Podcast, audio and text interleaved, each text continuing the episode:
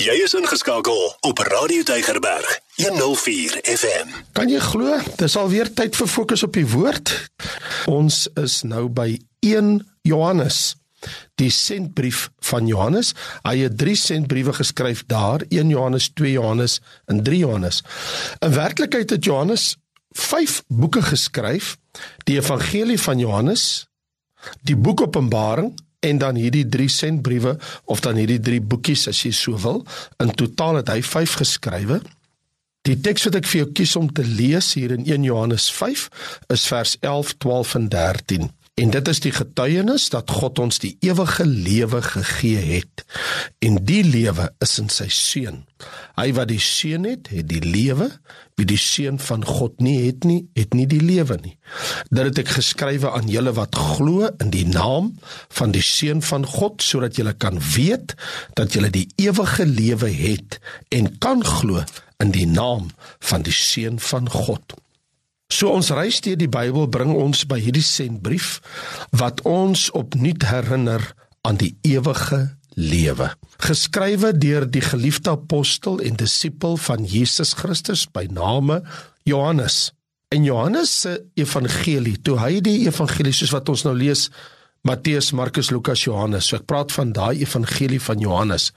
Die doel van daai evangelie van Johannes word tog baie duidelik vir ons gegee in Johannes 20 vers 31 toe Johannes sê: "Maar hierdie is beskrywe. Hy het hierdie evangelie, ek praat nou van die evangelie van Johannes, hy 21 hoofstukke.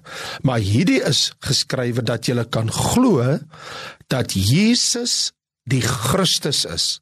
Dat hy die Messias is, die seun van God en dat jy deur te glo die lewe kan hê in sy naam.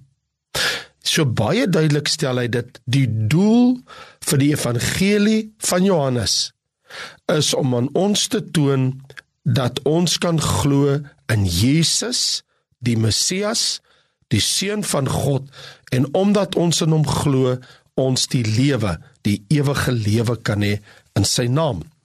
In die geval van hierdie sentbrief van 1 Johannes is die doel van die sentbrief vers 13 van 1 Johannes 5 dit het ek geskrywe aan julle wat glo in die naam van die seun van God sodat julle kan weet dat julle die ewige lewe het en kan glo in die naam van die seun van God. Maar hy gesê het in die evangelie, dit is geskrywe of dit het ek geskrywe dat jy kan glo in die seun van God, in Jesus die Messias en deur te glo die lewe kan hê.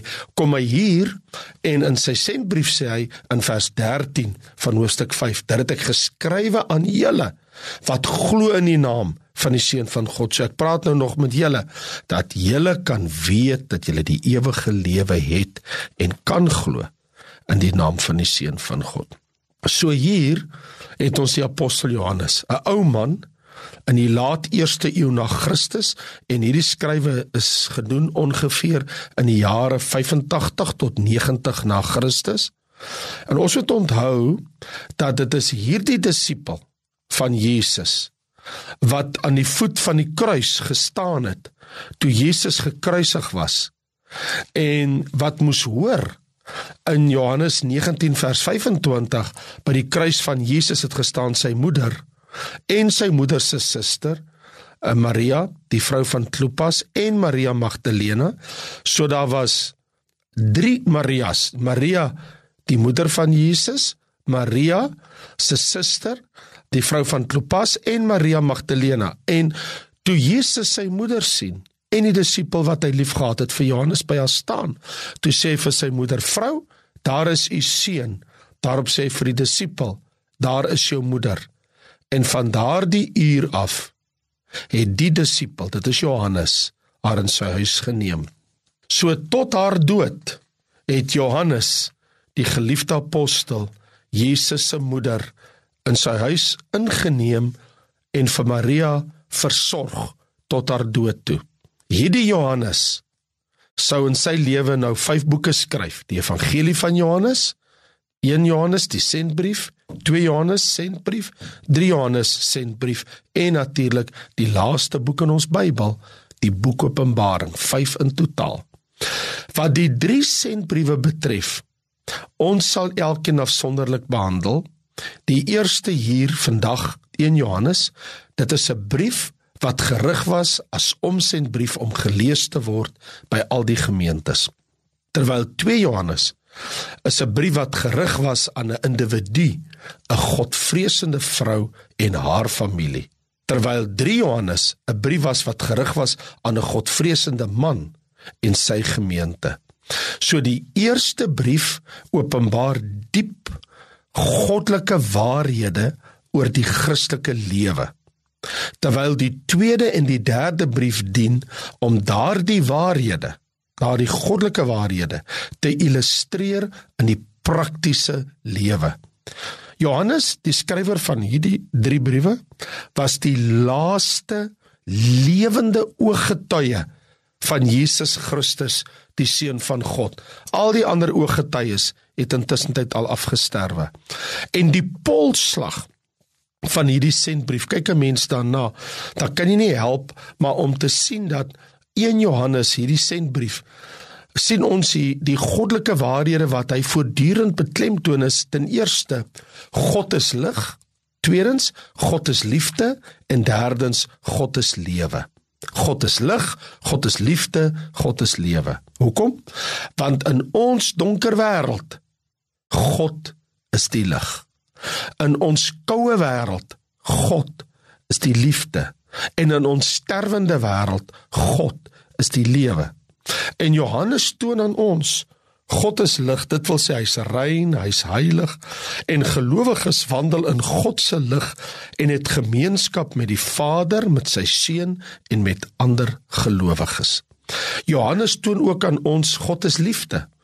En hierin verstaan ons ook dat gelowiges het die liefde van die Vader in hulle en hy maak ons soos Christus, soos wat ons sien in Johannes uh, hoofstuk 3 hierso in 1 Johannes 3 vers 1 en 2 kyk wat 'n groot liefde die Vader aan ons bewys het dat ons kinders van God genoem kan word. Om hierdie Here ken die wêreld ons nie omdat dit hom nie geken het nie. Geliefdes nou is ons kinders van God So hier vind ons dat ons as kinders van God die liefde van God in ons harte. Behalwe dat hy aan ons toon dat God is lig en God is liefde toon hy ook aan ons God is lewe. Want as gelowiges is ons ook besitters van die ewige lewe. Soos wat hy sê hier in Johannes uh, hoofstuk 5 1 Johannes 5 vers 13 dat dit ek geskryf aan julle wat glo in die naam van die seun van God sodat julle kan weet dat julle die ewige lewe het so ons ken Christus en ons ken die Vader en om God te ken is die ewige lewe. Soos hy sê in vers 20 hy die seun van God het gekom hy het ons verstand gegee om die waaragtige te ken. Ons is in die waaragtige sy seun Jesus Christus. Hy is die waaragtige God en die ewige lewe. So Johannes en die seun van God Jesus Christus as ons na dit kyk dan sien ons in hierdie kort sentbrief, hierdie 5 hoofstukkies, nie minder nie as 22 keer, hoor wat ek sê, 22 maal lees ons van die seun.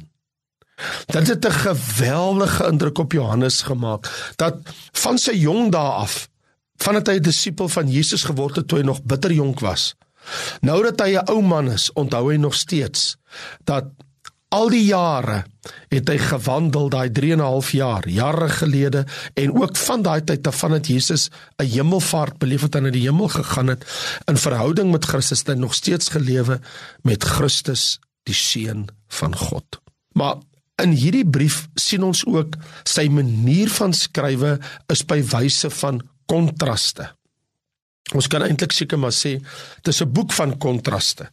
Want hy sê in Johannes hoofstuk 1 vers 5 Dit is die verkondiging wat ons van hom gehoor het aan julle verkondig. God is lig en geen duisternis is in hom nie. Kyk hoe stel hy dit lig versus duisternis. Dis die kontras. In hoofstuk 2 vers 7 en 8 sien ons 'n nuwe gebod gee ek aan julle. Terwyl daar ook die ou gebod is. Die ou gebod is die woord wat julle van die begin af gehoor het. Tog skryf ek aan julle 'n nuwe gebod. 'n Nuwe gebod versus die ou gebod.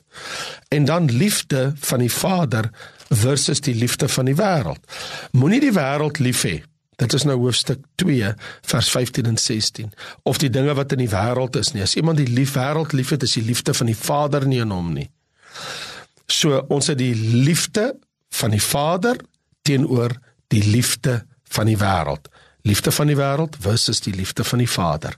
Of soos ons sien in vers 18, kinders is die laaste en soos julle gehoor het kom die anti-kris. En dat daar baie anti-kriste bestaan. So ons het die ware Christus, vers 22 Jesus is die Christus en ons het die anti-kris.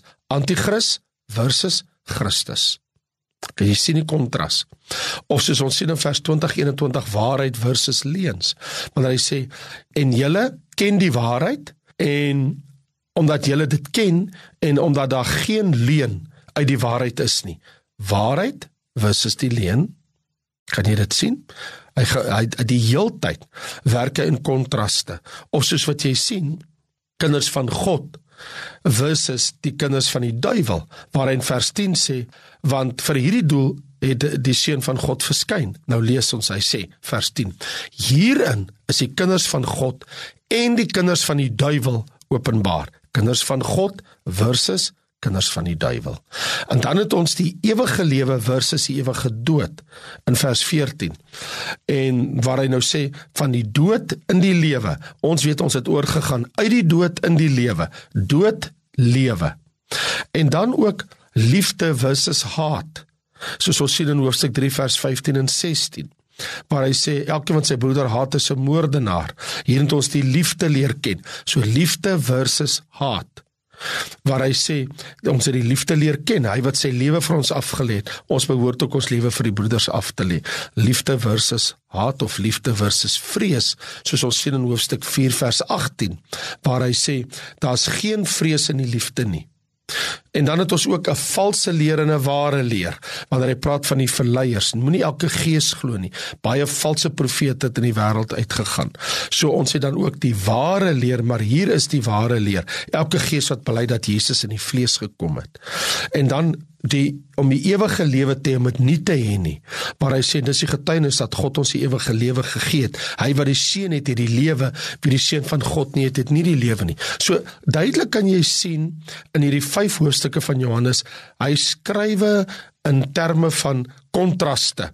Lig versus duisternis, nuwe gebod, ou gebod, liefde vir die Vader, liefde vir die wêreld, Christus anti-kris, waarheid, leuns, kinders van God versus kinders van die duiwel.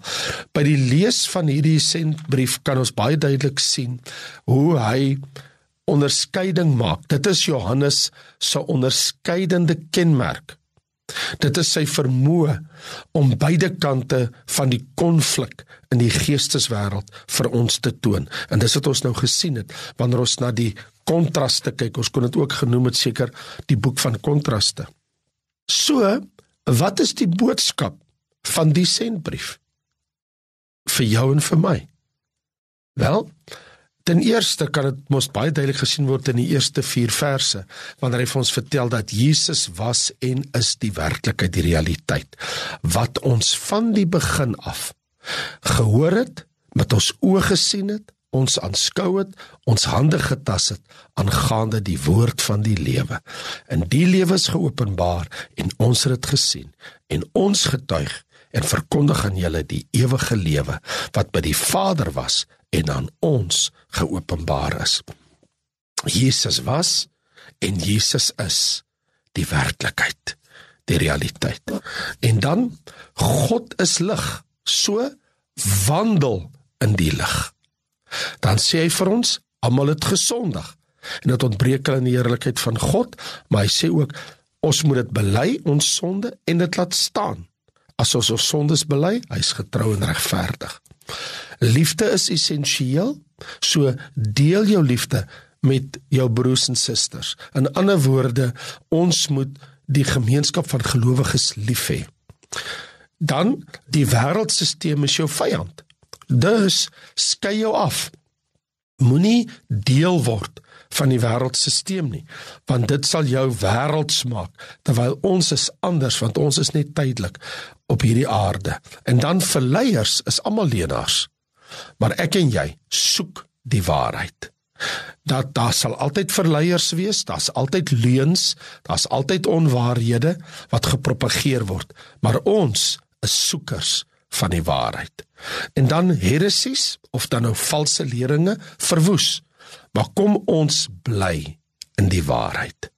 Want die waarheid maak jou vry. Die wêreldstelsel haat gelowiges. Wat ons betref, laat ons mekaar lief hê as kinders van die Here. En dan ook, hy's baie duidelik in Johannes 4, uh, Johannes 1 vers hoofstuk 4, toets die geeste. Moenie net alles aanvaar wat jy hoor nie. Hy sê geliefdes glo nie elke gees nie, maar stel die geeste op die proef of hulle uit God is. Baie valse profete het in die wêreld uitgegaan.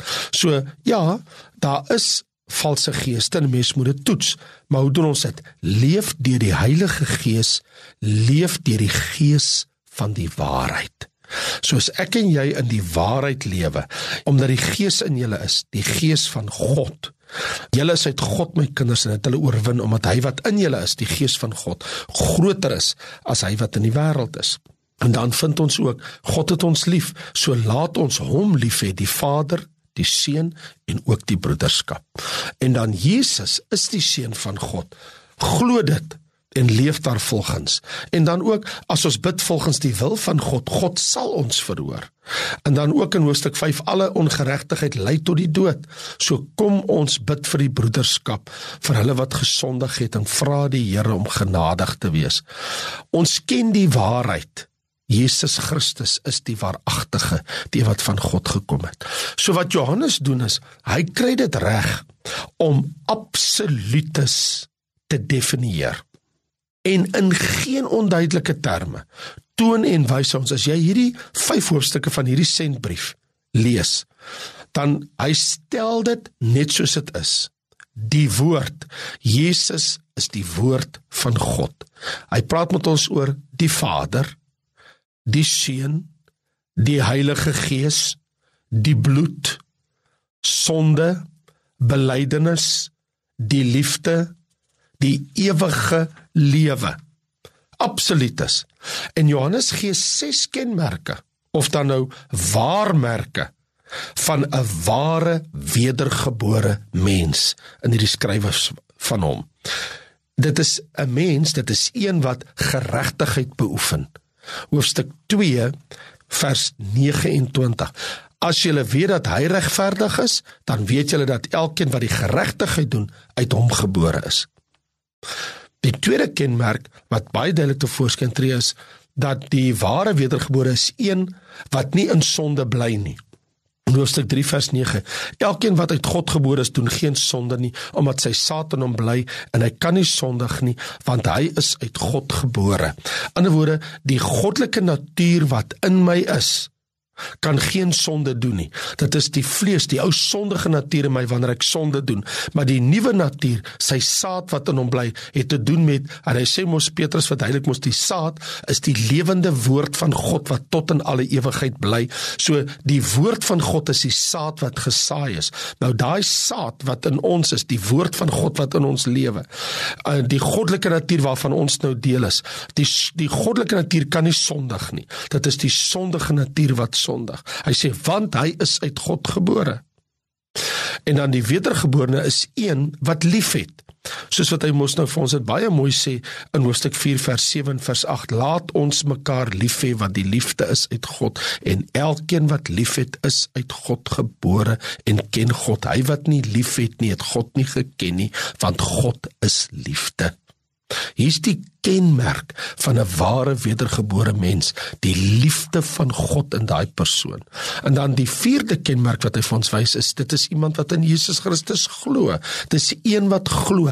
Elkeen wat glo, hoofstuk 5 vers 1, dat Jesus die Christus is, is uit God gebore.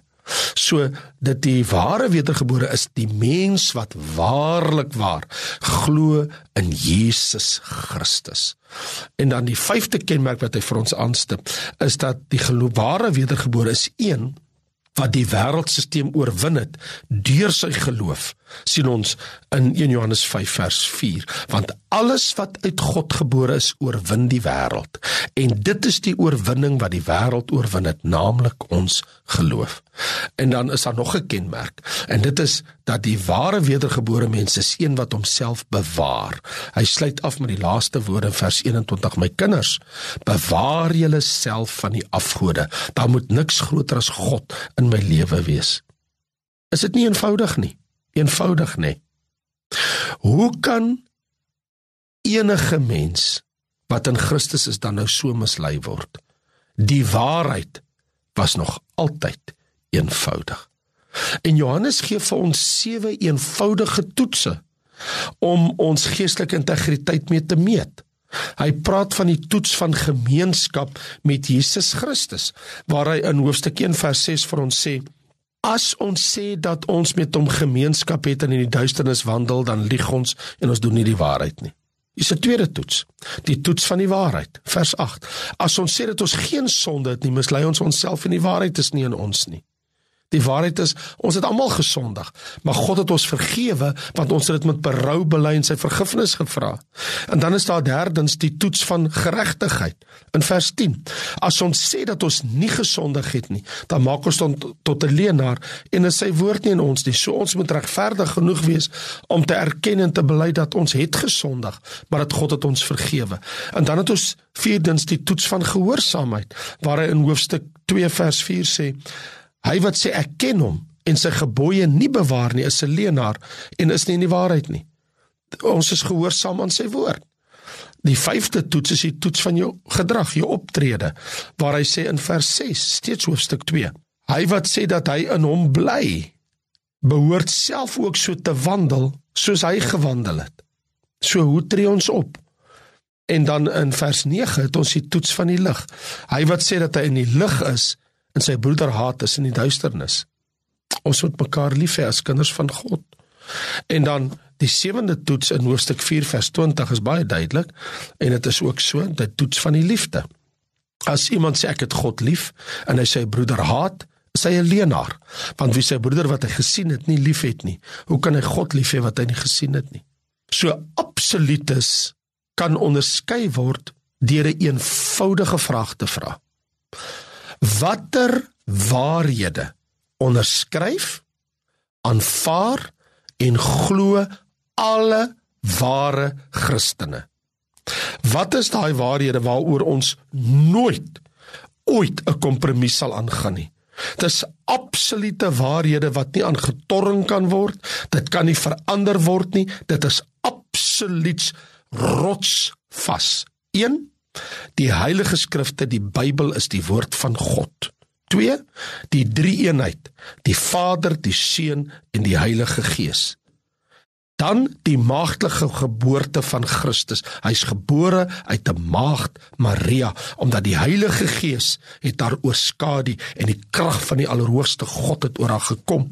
En daarom is sy 'n swanger bevind met die seun van God, met die baba, met Christus. Christus se lewe, sy lyding, sy kruisiging, sy dood, sy opstanding en sy hemelvaart is 'n absolute waarheid. Jesus Christus is Here, hy is saligmaker, hy is verlosser. Hy is die enigste naam waardeur 'n mens gered kan word. En ja, Jesus Christus kom weer. Sy wederkoms is 'n voldonge feit. En dit is ook so, daar is 'n duiwel, daar is 'n hemel en daar is 'n hel. Hierdie is absolutes. Ons kan nie daaroor kompromie aangaan nie. Dit is absolute godswaarhede. So nou is die vraag. Maar wat van al die ander waarhede in die Bybel? Alle waarheid is sekerlik waarheid. Maar Alle waarheid is nie hemel en hel kwessies nie. Jou saligheid hang nie van elke stukkie waarheid af nie. Ons kan verskil oor sekere dinge. Ons kan verskil oor die wederkoms, oor wanneer, die hoe, die wat, die waar, oor sekere aspekte kan 'n mens verskil en jy kan sê wel, ek glo dat as die Here kom gaan dit so wees en daai een gaan so wees en dan kan ons die Bybel vat en kyk wat is die realiteite.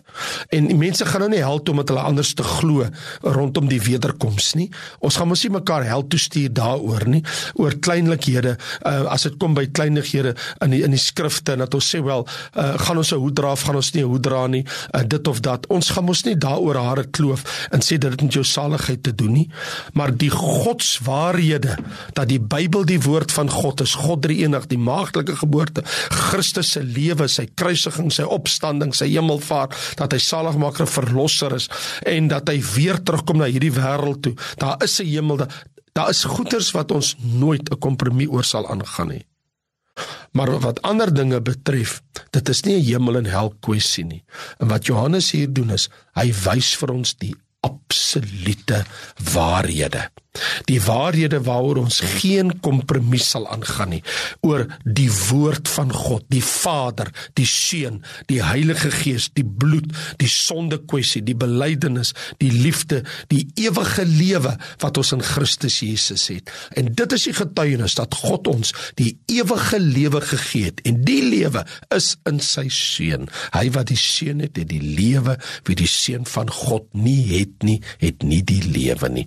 En dit het ek geskrywe aan julle wat glo in die naam van die seun van God sodat julle kan weet dat julle die ewige lewe het en kan glo in die naam van die seun van God. Amen. Mag die Here vir jou seën en jy 'n wonderlike week verder hê.